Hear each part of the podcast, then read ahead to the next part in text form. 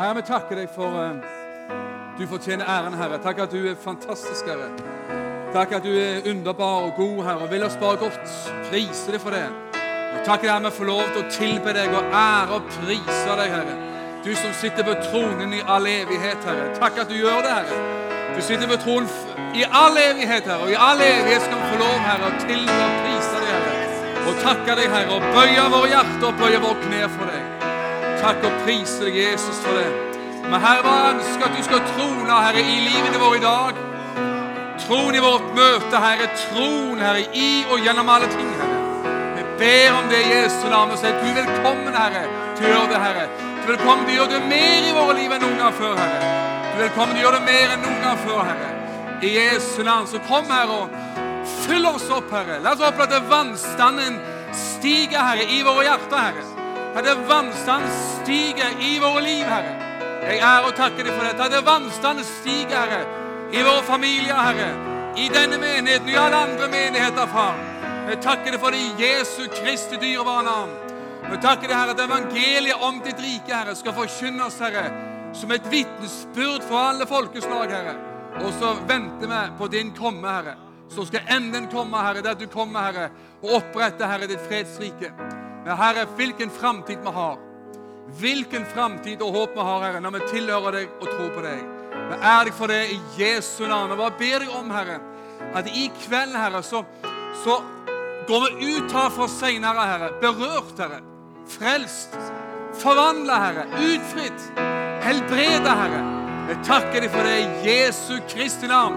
Og at mennesker som har mista håp i livet sitt, her skal oppleve at man går ut herfra i dag, Herre, med nytt håp og nytt mot og ny energi. Vi takker deg for det i navnet Jesus. Herre, vi opphøyer deg for det i Herren Jesu navn. Halleluja! Prise Gud. Og tusen takk til dere, lovsangsteam. Legger den her, jeg. Ja. Veldig eh, kjekt å være her i gamle menigheten. Hvis det går an å si det. For jeg har ikke noen ny menighet heller, så det er jo eh, både ny og gammel. Jeg kan ikke si X-en heller. Det går ikke. Men det er veldig herlig. altså. Veldig gøy. Jeg gleder meg til å tale Guds ord, og fått egentlig tema òg, da. Ikke et dårlig tema, så jeg, det er ikke vanskelig det å tale, tale, han skal tale om bønn og sånt. Så det, det, det, det gleder meg veldig til. Prise Gud. Um, jeg har nettopp kommet, skal si litt om det. Det, det. det, har jeg lyst til. Takk for eh, det du har vært med å gi. takk, Tusen takk.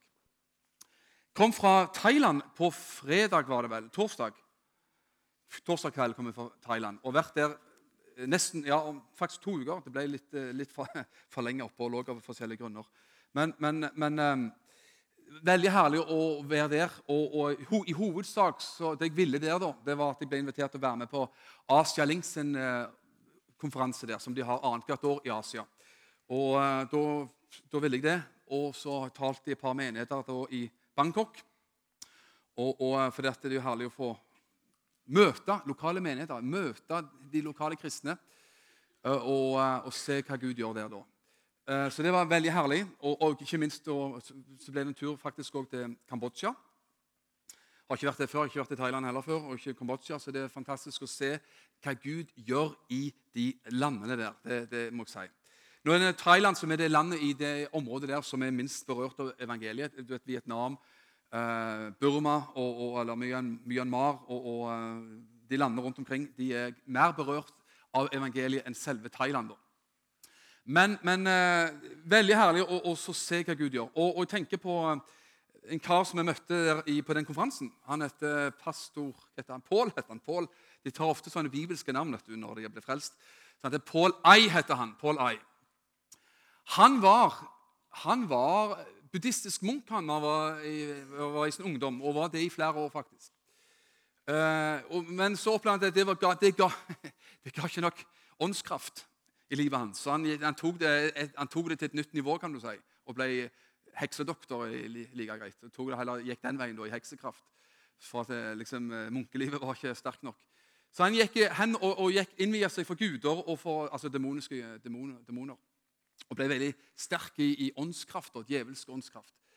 Og, og skulle faktisk eh, være med og forbanne en møtekampanje. Det her er jo en god mange år siden nå. Eh, for han her karen er 68 år, så det, det, det er et stykke tid tilbake igjen. Han skulle forbanne en møtekampanje som Paul, eller David Yongi Chu hadde i, i området der. Eh, eh, han er jo, var og er vel kanskje ennå pastor for verdens største menighet i Korea. Eh, og Mange av oss har jo lest hans bøker og vet hvem han er.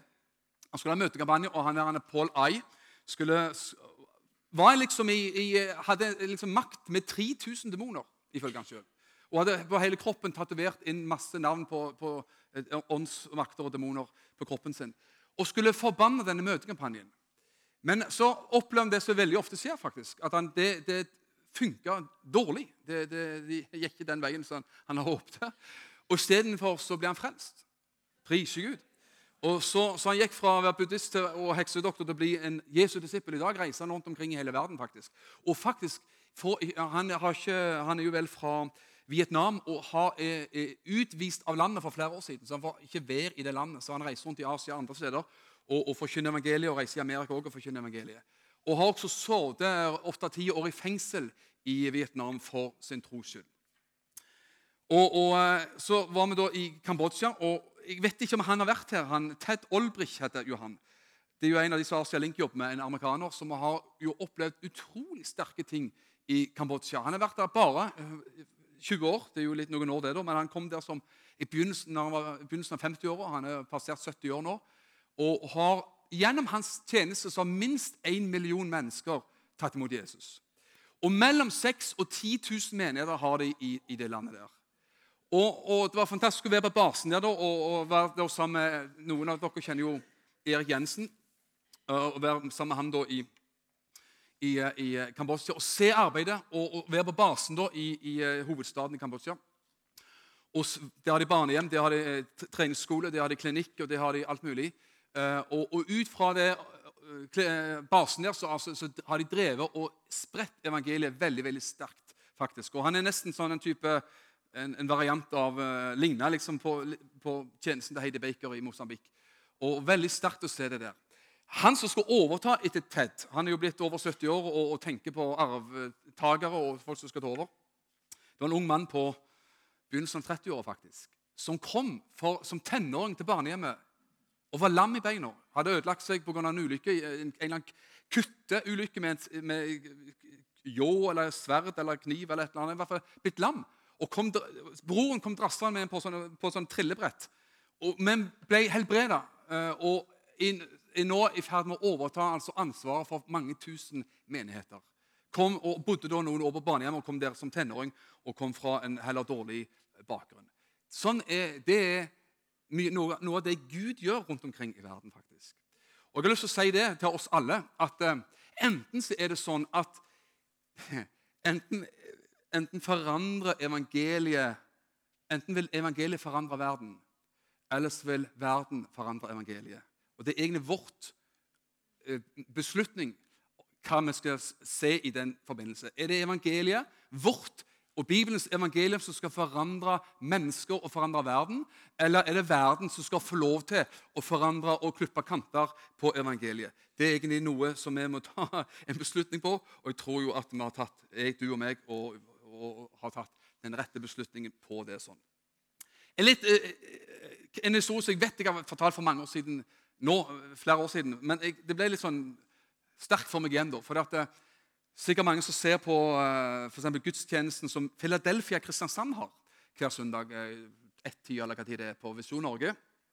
Det er et opptak. da, det er ikke direkte, det er ofte at man, man tar opp, man sender det ei uke etterpå. da. Og I dag var det jo en som heter Michelle Rivas som talte der. Jeg vet ikke om dere noen som så det. Michelle kjenner godt, faktisk, for han kom. og Det er også bare et eksempel på evangelisk kraft. Han kom og var elev på bibelskolen i Sarmsdalen. Vi jobbet der. Og da kommer han, da, Den gang kom han direkte fra evangeliesenteret. Og hadde levd flere år med rus. kom egentlig fra, si, Han var Bærumsgutt og, og, og var, kom fra en grei familie. og, og Mangla ingenting, men havna på rus av forskjellige grunner.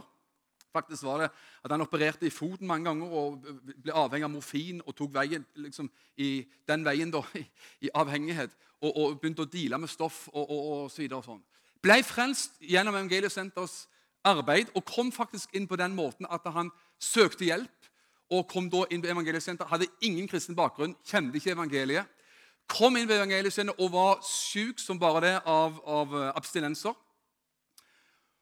Og han var sånn, for han kom fra liksom litt sånn type beste vestkant-type ting, så forakta han liksom evangeliesenterfolk, om du vil, klienter som kom der fra gata og litt, litt, uten tenner og den stien der. Sånn. Så han, han, så ned på de stakkarene som var liksom i en helt annen, lavere klasse enn det som han følte at han var sjøl. Men nå var han jo sjøl sjuk og elendig av abstinenser. Så opplever han det som bare er Herrens kanskje humor. At de, de, alle disse halvveis tannløse stakkarene som var blitt frelst fra gata, ba for ham og ble momentant utfridd fra abstinenser. Og vitna om det på møtet samme kveld før han rakk å bli frelst. Han visste ikke, jeg kjente ikke evangeliet noen ting. Så han bare fortalte hva som hadde skjedd, at jeg var syk, men nå er jeg frisk. Altså. Det var noen som bøyde seg over meg og ba for meg. Og nå er han altså en av pastorene i, eh, i Philadelphia Kristiansand. Og det er òg sånn som Gud faktisk gjør. Jeg har lyst til å, ikke bare lyst, ja, jeg har lyst, men jeg har også blitt bedt om å tale om bønn. Men jeg har tillegg lyst, veldig lyst til det. Priser Gud. Og, og, eh, så Du skal få et ord først her, da. Filippane 4, vers 6-7. Eh, det er jo kjempekjente vers. Filippane 4, vers 6-7. Vær ikke bekymret for noe, men legg alt dere har på hjertet, framfor Gud. Be og kall på ham med takk. Og Guds fred, som overgår all forstand, skal bevare deres hjerter og deres tanker i Kristus Jesus. Det er jo fantastiske ord om bønn. At vi kan be påkallelse med takksigelse.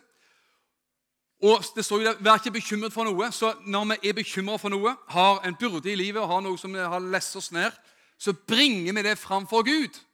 I bønn og påkallelse med takksigelse, sier Bibelen. Og så sier han noe fantastisk.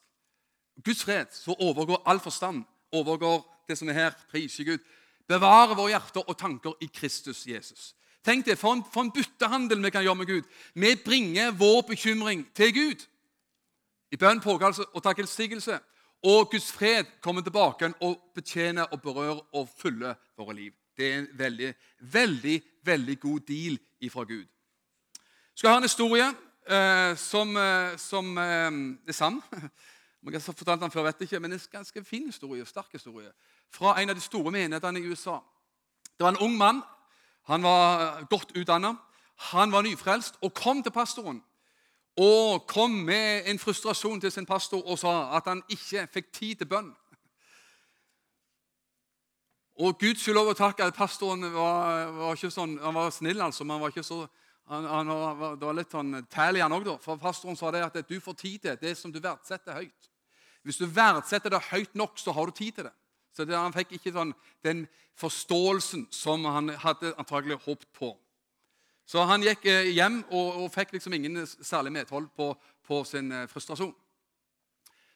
Og Noen få måneder etterpå så drar pastoren og kona og besøker denne mannen, unge mannen og hans kone og familie. Og Med en gang de kommer inn i hjemmet, så merker den pastoren at noe har skjedd med denne mannen. Og Da spør han hva som har skjedd med, deg siden sist. Så forteller den mannen, og så viser han faktisk noe så banalt som en stol. Han kjøpte seg en stol. Hadde nok en stol fra før av òg, men han har ordna seg en stol foran vinduet. Og når han skulle til å fortelle hva som hadde skjedd, så overtar, overtar kona samtalen, altså kona til, til denne unge mannen og sier at hun har fått en ny mann i livet sitt, en ny mann i huset.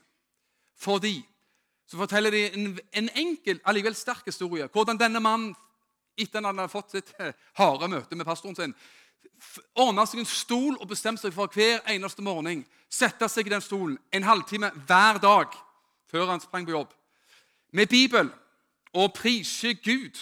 En kopp kaffe. Halleluja. Han mangla firkløver, da, så han var ikke så salig kåra som, som, eh, andre kanskje er. da. Men, eh, men, men det, var ikke så verst. En stol, Bibel og kaffe og bønn. Så satt han en halvtime hver morgen og snakket med Gud. Og kona sa, og han også at det har forandra vårt liv. Det har forandra familien vår. Det har forandra liksom, altså det, det hadde sett såpass mye fantastisk at de ville aldri vært det foruten. At han satt og så ut vinduet og snakket med Herren med en kopp kaffe i hånda. Tåler, herren tåler, liker det, vet du. Herren, herren elsker kaffe. skal jeg bare si. Han liker lukten av kaffe.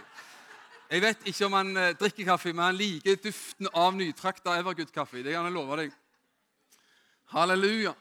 Og Herren har stort behag i om det også tar en litt firkløver og litt sånn forskjellig i tillegg. Herren liker det, sier Herren. Så du bedømmer selv om det var eh, sann eller ikke sann profeti. Men det gjorde han faktisk. Og han ble en aktiv mann. Han flytta på seg familien, og det var med å plante menigheter ut fra det her Saddleback Church med han, uh, ikke Rick Warren, men han andre karen. Bill Hybels. Uh, ja, nå mulig at jeg blanda litt forskjellige navn her nå. Anyway, Det var uh, menigheten til han, til han Bill Hybels oppe i Chicago. Han ble med og plante, Den unge mannen ble med og plante menigheter og gjør, virkelig stå med i et fantastisk arbeid som et resultat av sitt bønneliv. Så skjer det som dessverre helst ikke skulle skje, så blir han syk og, og, og får kreft og dør. Det er jo ikke så bra. Altfor ung. Alt for ung. Men i begravelsen, og i, for, i, liksom i etter, eh, etterdønningen av begravelsen, i forbindelse med det, så gjør kona enka etter denne her mannen da, en sterk egentlig sånn symbolsk handling så tar hun og overrekker faktisk stolen som denne, hennes mann hadde brukt i mange år i sitt bønneliv.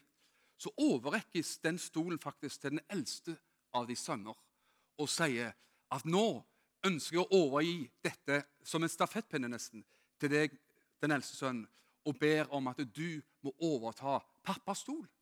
Men ikke bare pappas stol, også det livet han levde med Gud i bønn. Det er fantastisk å, å, å, leve et liv med Gud i bønn. Det er én ting som disiplene til Jesus ba om. De ba aldri Jesus om og sa 'Jesus, lær oss å drive demoner', selv om de gjorde det. De ba aldri Jesus om å lære oss å helbrede syke eller lære oss det ene eller gå på vannet.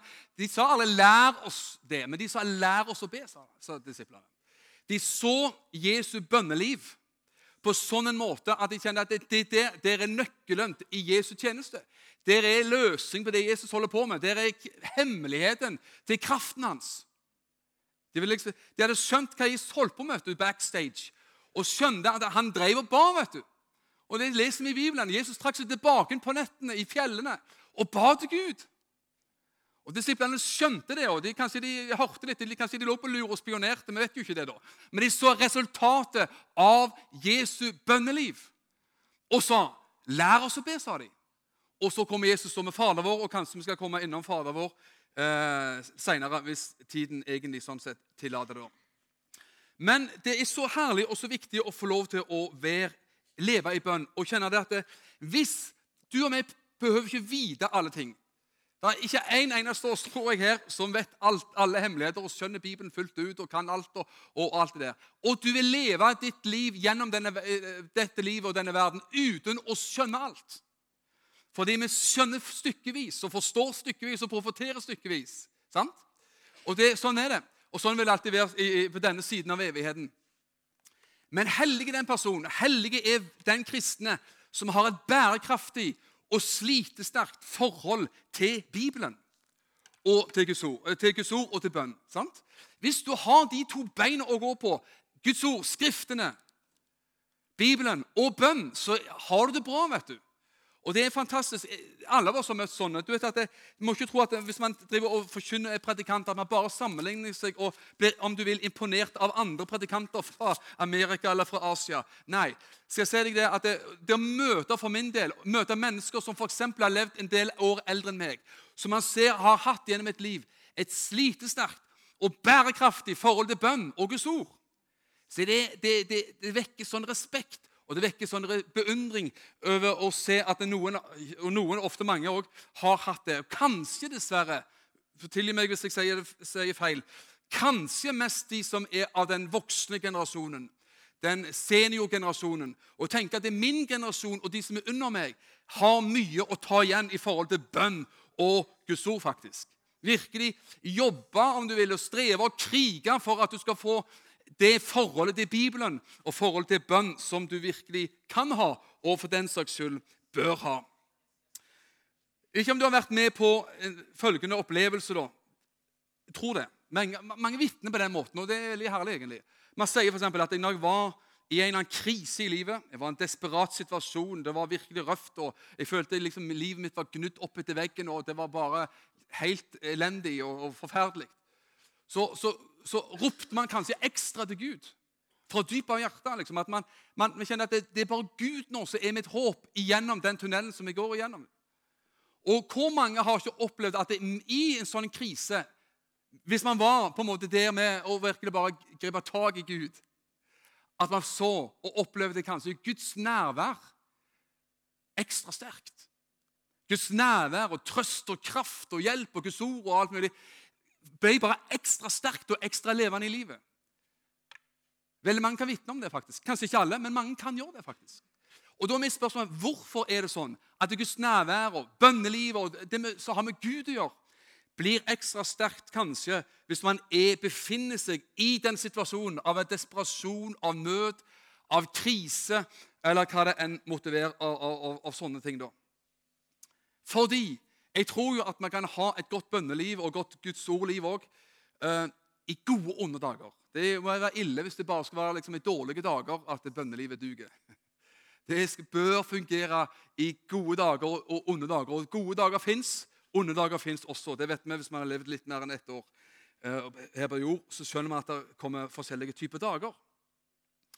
Og da har jeg lyst til å si Hva er det som får oss til å bli tent på og motivert for bønn? Det kan jo være forskjellig, det. Sannsynligvis ikke den der dårlige samvittighetsmekanismen. At det, liksom, man piskes til bønn og, og, og, får masse mas på det. Det er bra å preke om det og bra å motivere for det. Det vet, det vet vi. Men, men, det må være noe dypere enn som så. Og jeg tror at jeg skal gi deg noen vers på det. sånn, så jeg opplever, Dette er jo sånn som jeg opplever det sjøl. Det er faktisk å se den nakne sannhet om oss sjøl og det er nakne sannhet om Gud.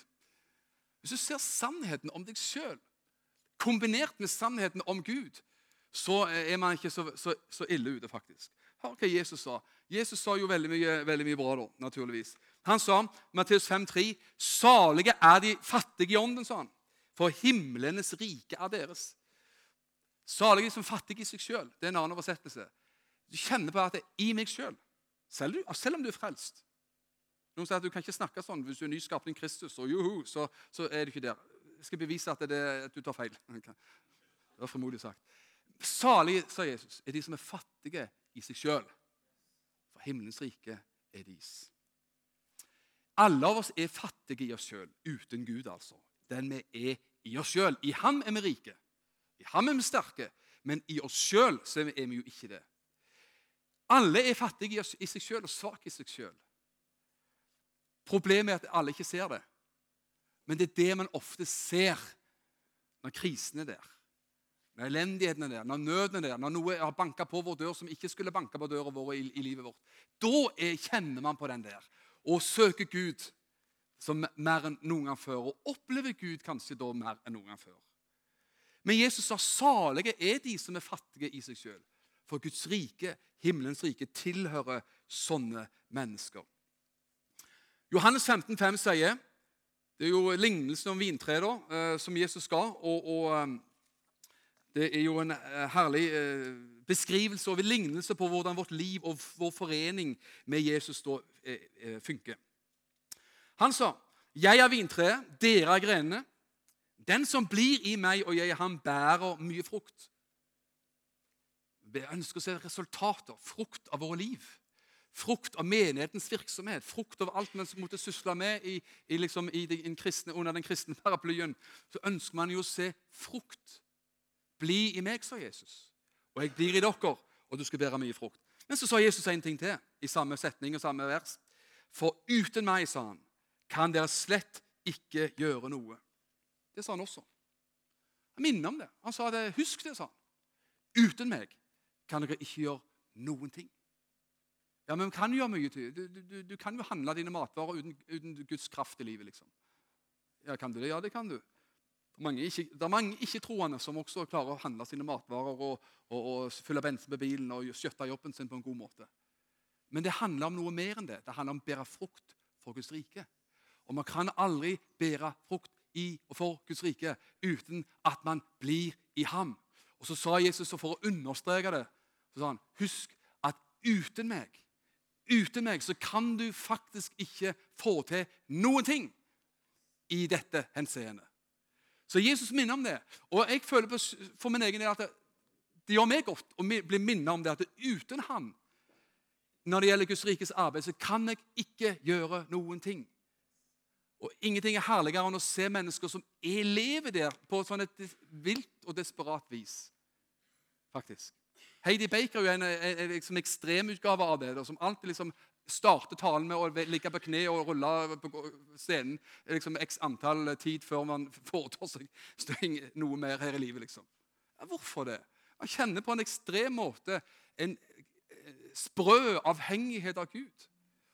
Og Det er ganske sterkt også når man har sett x antall mennesker bli oppvekk fra de døde og x antall blinde forsvinne igjen. At man lever så på det planet der.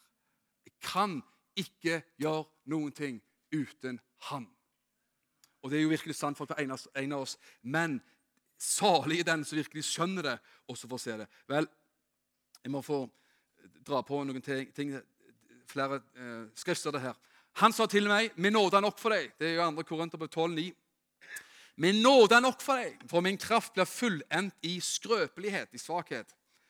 Derfor vil jeg helst rose, uh, meg, av, uh, rose meg av, mine skrøpeligheter. Tenk det Paulus sa det. Paulus var en utdannet person. Han hadde sovet ved Ganimalias føtter. Han var blant de smarte haugene i Israels land. faktisk. Han var ikke født i går og tørka på ovnen i dag. altså. Han var en smarting og sier jeg skal, hvis jeg skal rose av meg sjøl, skal jeg rose meg av noe, så vil jeg rose meg av min egen svakhet. Kan du begripe det? Og En annen plass han, hvis jeg skal, en annen sted så sier han hvis jeg skal rose meg, så vil jeg rose meg av Jesu kors. Det ble veldig lite ros av seg sjøl. Og hvis han skulle rose seg av seg sjøl, så var det sin egen svakhet. Han som var så bra teologisk utdanna. Derfor gleder jeg meg midt i skrøpelighetene, i mishandling, i nød, i forfølgelser og angst for Kristi skyld. For når jeg er skrøpelig, når jeg er svak, altså når jeg er svak det er bedre ord, da er jeg sterk. Det er paradokset, kanskje, eller Guds rikes mekanisme, at når vi skjønner at vi svaker oss sjøl, da er vi sterke. Priser Gud. Min svakhet pluss storebror Jesus sin kraft det er en utrolig bra eh, kommunikasjon. Det er god, bra kombinasjon. Amen. Det er viktig å skjønne det. Min svakhet at jeg skjønner at uten ham kan jeg ingenting gjøre.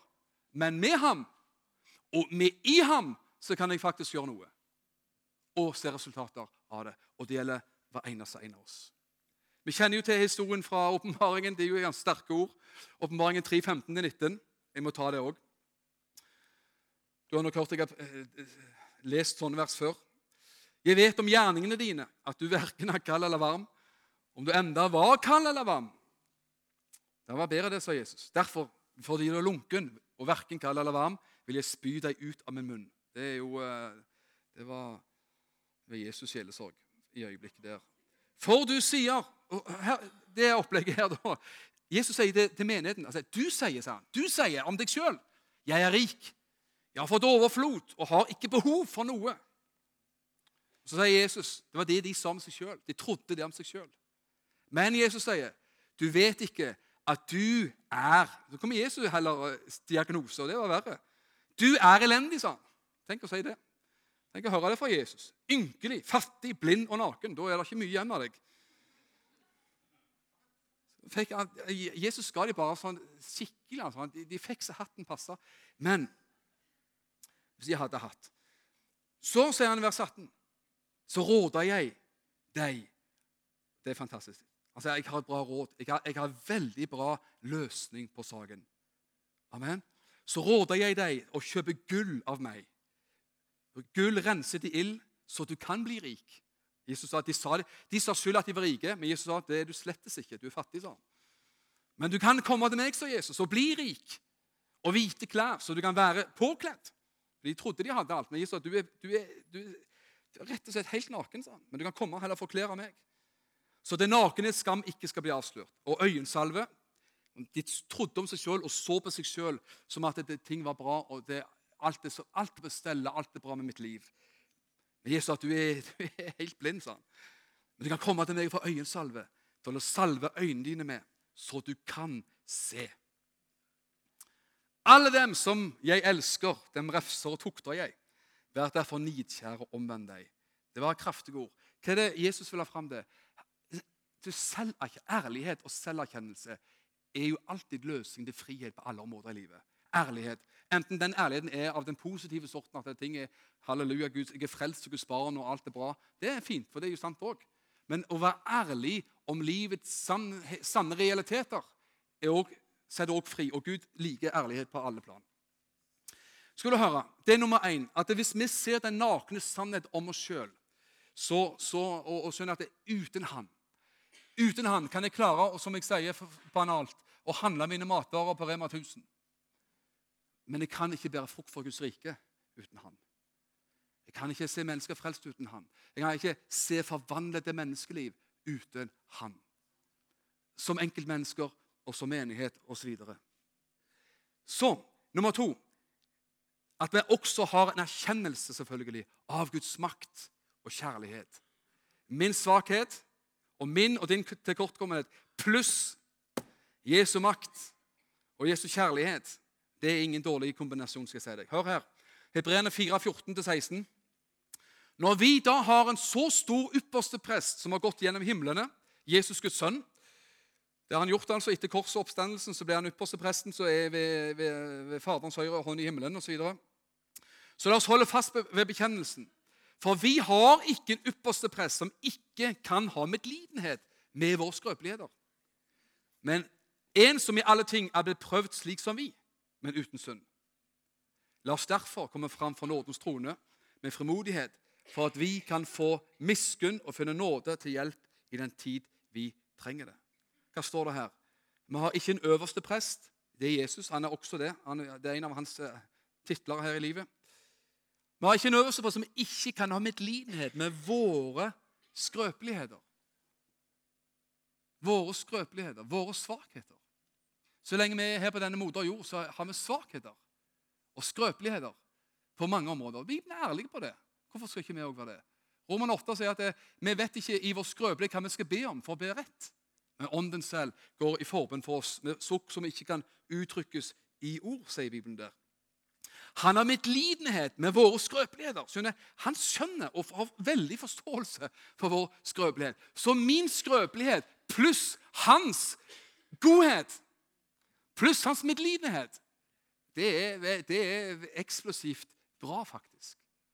Halleluja.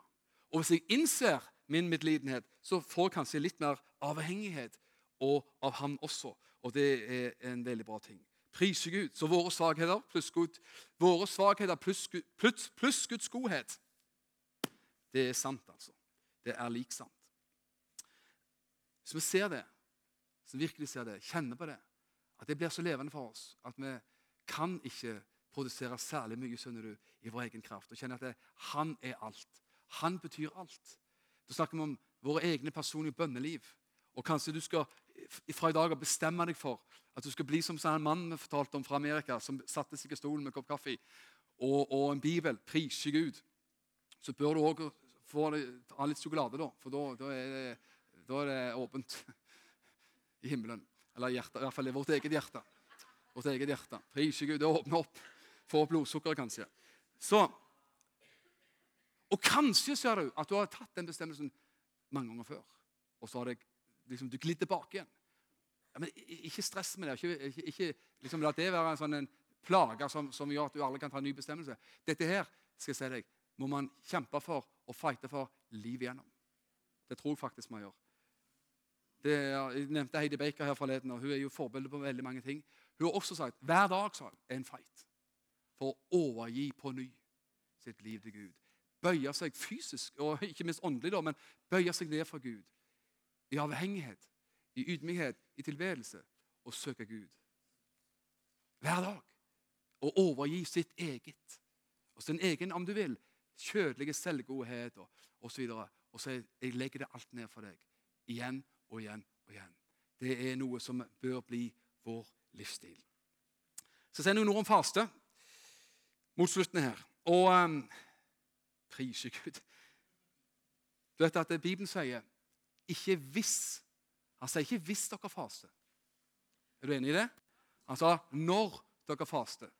Og i Matteus 6, i kapittel, blant annet kapittel, eh, kapittel 6, vers 16, men også og, eh, flere vers der, så nevner tre Jesus, Jesus tre sånne når-ting. Ikke hvis. Han sier når dere gir, sa han. Gir penger. Priser Gud. Gir penger. Gir av det du eier og har. Han sa ikke når, hvis du gir, men når du gir. Når du gir. Ikke hvis du ber, men når du ber. Amen. Ikke hvis du faster, men når du faster. Tre stykk. Som det er viktig å si at det er når og ikke hvis. For hvis det blir hvis, så blir det aldri gjort, gjort noe, noe, med. Men skjønner, faste er viktig. Og Jesus sier jo når dere faster, så vær ikke som hyklerne som faster med trist ansikt. For de fordreier ansiktet sitt slik at de skal vise seg for menneskene at de faster. Altså, greia var at de ville vise sin fromhet og åndelige vellykkethet for folk. Sannelig sier jeg dere, de har alt fått sin lønn. Hva lønn var det? Ære av mennesker. Beundring av folk. Ja, Det varer ikke lenge. Nei. Det kan være kjekt for egoet et lite minutt. Og så kan jo hende at det, neste minutt så, så blir det her mer ris enn ros òg. Men, men, men så er det, det varer ikke lenge. Men når du faser, sa Jesus, da salv hodet ditt og vask ansiktet. Altså, Du skal ikke vise, spesielt vise at du går som en slags eh, eh, åndelig zombie eller noe sånt. Slik at du ikke viser deg fastende for menneskene, men bare for din far som er i det skjulte. Og den far som ser i det skjulte, skal lønne deg åpent lyst av Jesus. Amen. Faste er fantastisk. Ja, er det det? Ja, det Hva skal vi si om faste? Jeg tror forskjellige folk vil si forskjellige ting om faste.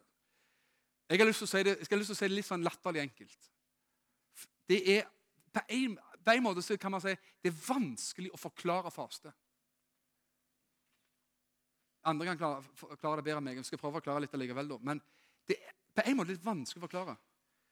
Men det er på en måte så banalt. Og kanskje Gud er det Gud vil. Det er så banalt at hvis du tror på det, så fungerer det. For jeg tror Få mennesker vil si Hva, hva skjer liksom Hvorfor skal du liksom la være å spise? Så har det en slags åndelig effekt. Det, det, er bare Gud som i sin smarthet og, og så, Kanskje Gud i sin visdom vil bare ha det sånn for å gjøre oss til noen skikkelige dårer. For det er noe så dåraktig som å faste skal ha en effekt. Og det har det. Når dere faster, sier Jesus. Faste er gjennomført, eller altså er praktisert i Gammeltestamentet, i Nytestamentet, og man ser at vekkelseskristne i andre land praktiserer faste. Det kan man ikke springe fra. altså. Vekkelseskristne i andre land de praktiserer faste. Og vet du, Når du hører om det, så får du vondt i magen med en gang. du bare tenker på det. Og Faste kan være mange ting. og eh, Kanskje det er det at det Gud vil, for det viser han. Faste gjør noe. Det, det, det, det tar jo kjøttet ditt, da, for å bokstavelig talt. Det tar kjøttet ditt. Og Det står et sted i Bibelen at du er ydmyket med en faste. Det har med ydmykelse å gjøre. Det har med å bøye seg for Gud. Det har med å til og med disiplinere sitt eget kjøtt. Som gjør at når kjøttet får denne smellen der, så skjer det noe merkelig. Og faktum er at Hvis du skal faste én eller to eller tre dager, så vil du føle at det er de verste dagene i ditt liv. antagelig. Men du vil merke, og ikke minst hvis man da heller lever et fastende liv, så vil det ha en åndelig effekt på livet. For du disiplinerer og du kveler kjøttet ditt i dobbel forstand. Både i kroppen, da, sug i magen, eller eh, det som kroppen vil ha. Men du kveler selvfølgelig også, Når vi sier kjøttet, så snakker vi ikke om kroppen på det viset, men også kjødets natur, den menneskelige naturen. Som Gud vil at vi skal ha underlagt dominansen av vår gjenfødte ånd. Han vil det. Og da har jeg lyst til å si Begynn. Bestem deg for at du skal ikke ta en sånn gigantfase som gjør at du, du sprekker det i alle kanter. Men vet du hva? Det ville ikke vært dumt og skal si at De siste, siste perioden i mitt liv så har jeg fasta mindre enn før. Det var tidligere perioder jeg har fasta en del mer enn det jeg har gjort akkurat det siste halvåret og året. For eksempel. Eh, men, men så, så, jeg holdt på litt fram og tilbake på det der. Og, men tro virkelig på faste, og aldeles på ingen måte sparka det ut av livet. um, Hva var det jeg skulle si på det? da? Det er at Begynn et sted. Bestem deg for at jeg skal ta en, for ett døgns faste. Ja, hva kjenner du da? Jo, du kjenner mange rare ting. Noen ser syner med en gang. Andre og engler, kanskje. De fleste ser syner bare mat. skal jeg si deg. Arild Edvardsen sa han fasta veldig mye da han var ung. Og han, og, og, og han sa at det, det, det, jeg så mest av alt, var skyggen av sausen. sa han. Det var det liksom, nærmest han kunne se. Det var skyggen av sausen. Det, og, og greier. Men, men, du ser det i menneskers liv som opplever vekkelse, at man lever et liv i faste. Og Istedenfor å ta noen gigantsteg, bestem deg for f.eks. når Misjonskirka her, menigheten her har faste, bønnefasteøyeblikk, så bestem deg for at det, om så var ett eller to måltider Altså, Jeg skipper det. Rett og slett bare for det er rett. Så drikker du vann akkurat da. Og så trenger du som sagt ikke ta, gjør, ta sånne gigantsteg som gjør at du føler at du, det siste du kommer til å gjøre igjen de neste fem, fem år, det er faste. For det, det holder på å ta livet av deg, og det, det er fælt. Ja, men det skjer prosesser. og faktum er Hvis du bare bestemmer deg for at jeg, i morgen skal jeg faste, eller jeg skal faste en eller to-tre dager Bare du bestemmer deg for det, så føler du at du, døden går over livet med en gang. vet du. Herlig, Selvlivet dauer med en gang. De, antagelig det Gud vil, da. Men du må ikke bare bestemme deg for det. Faktisk gjør det. Priser Gud. Det har faktisk en effekt, og jeg tror at det er viktig å, å se det der sånn. Og Gud har sagt han skal lønne oss når vi faster. Ja, Tiden har gått, og jeg skal ikke si mer enn bare faktisk få ord. Hvordan skal jeg be? Hvordan skal jeg be? Skal jeg være så enkel og kanskje si, halvt sakral at jeg skal snakke fem, noen få ord om Fader vår som en hjelp. Fader vår, du som er i himmelen, la ditt navn holdes hellig, osv. Jeg tror at de som ville lagd en mønsterbønn for å få hjelp til bønnelivet sitt, må bruke faktisk Fader vår ikke, tror jeg, som en oppramsingsbønn. At jeg ber Fader vår, alle kan den mer eller mindre. sant? Fader vår, du som er i himmelen. Og så, så leser vi den igjennom, så vi er ferdig på 25 sekunder. Og jeg skal ikke, jeg skal ikke eh, hva skal si, kansellere noens bønneliv og si at hvis du gjør det, så er det liksom ingenting verdt. Det sa jeg ikke. Men jeg tror det Jesus mente med den bønnen, det er faktisk at det, det er en oppramsing av bønneemner. Og Hvis du vil ta den og skrive for eksempel, om du på et ark og skriver 'Fader vår, du som er i himmelen' Og under den overskriften så lager du fokus på 'Takk, Herre, at du er min far, som vil forsørge mitt liv'. Så springer du det fokus på hvem Gud er. Opphøyer han for det og skriver dine punkter og takkepunkter under den overskriften. Så er det 'La ditt navn holdes hellig'. Så, så former du dine egne bønner under den overskriften. Og Der du sier 'Herre, jeg ønsker ditt navn gjennom mitt liv skal være helliggjort'. Du er hellig. Og Det er ikke bare at han er hellig på papiret, men han er i reelt hellig og ønsker at mitt liv skal holde ditt navn hellig. Og Så lager du og former dine egne ord og uttrykk under den overskriften 'La ditt navn holdes hellig'. Hva kommer neste? Er det 'Gi oss i dag vårt daglige brød', tro? Sikkert det. Der du ber over dine behov. Lage en ny overskrift. Hva, hva, ber, du, hva, for, eh, hva slags bønn vil du forme under den overskriften? Trenger du jobb? Trenger du eh, hjelp i økonomien? Trenger du eh, eh, mat på bordet, for den saks skyld? Trenger du eh, helse? Hva trenger du? Du ber for dine behov. Timelige behov. Forlat oss vår skyld, som vi òg forlater våre skyldnere. Den er jo veldig røff. Den er en virkelig punkt i den bønnen som handler om vårt forhold ikke bare til Gud, men vårt forhold til våre medmennesker. sant? Der man under den overskriften sier 'Herre, og, og, Du trenger ikke spørre veldig kjapt eh, spør Herren om er det noen som har såra meg. For det kjenner du lenge før du har snakket med Herren om det. Du, du kjenner at ja, Herre, jeg, jeg utsteder tilgivelse og velsignelse overfor den og den og den personen så du kjenner plager deg. Så du helst ikke har lyst til å møte face to face. Så løfter du den personen opp for Gud og sier i Jesu navn så velsigner jeg den personen og ønsker den personen det beste i livet. Og ber at du, Herre, skal velsigne den personen. Skjønner du? Og så kan man også tenke i samme slengen da, Herre, kanskje er det noen som ber akkurat til bønnen om mitt liv. Så jeg kanskje skulle sendt en SMS til, eller noe sånt. Og så videre og så videre. Og så avsluttes uh, Fader vår med la, Led oss ikke Amen. Hvor fant vi den her? Ja, Et eller annet sted i hvert fall. Led oss ikke, jeg tror jeg han har mista litt av den bønnen her, men det rike ditt i hvert fall. Det er sikkert. Makten og æren i evighet. Amen. Så sier Herre, makten din, riket ditt Jeg opphøyer deg for at du har all makt. Det riket ditt priser deg, Herre.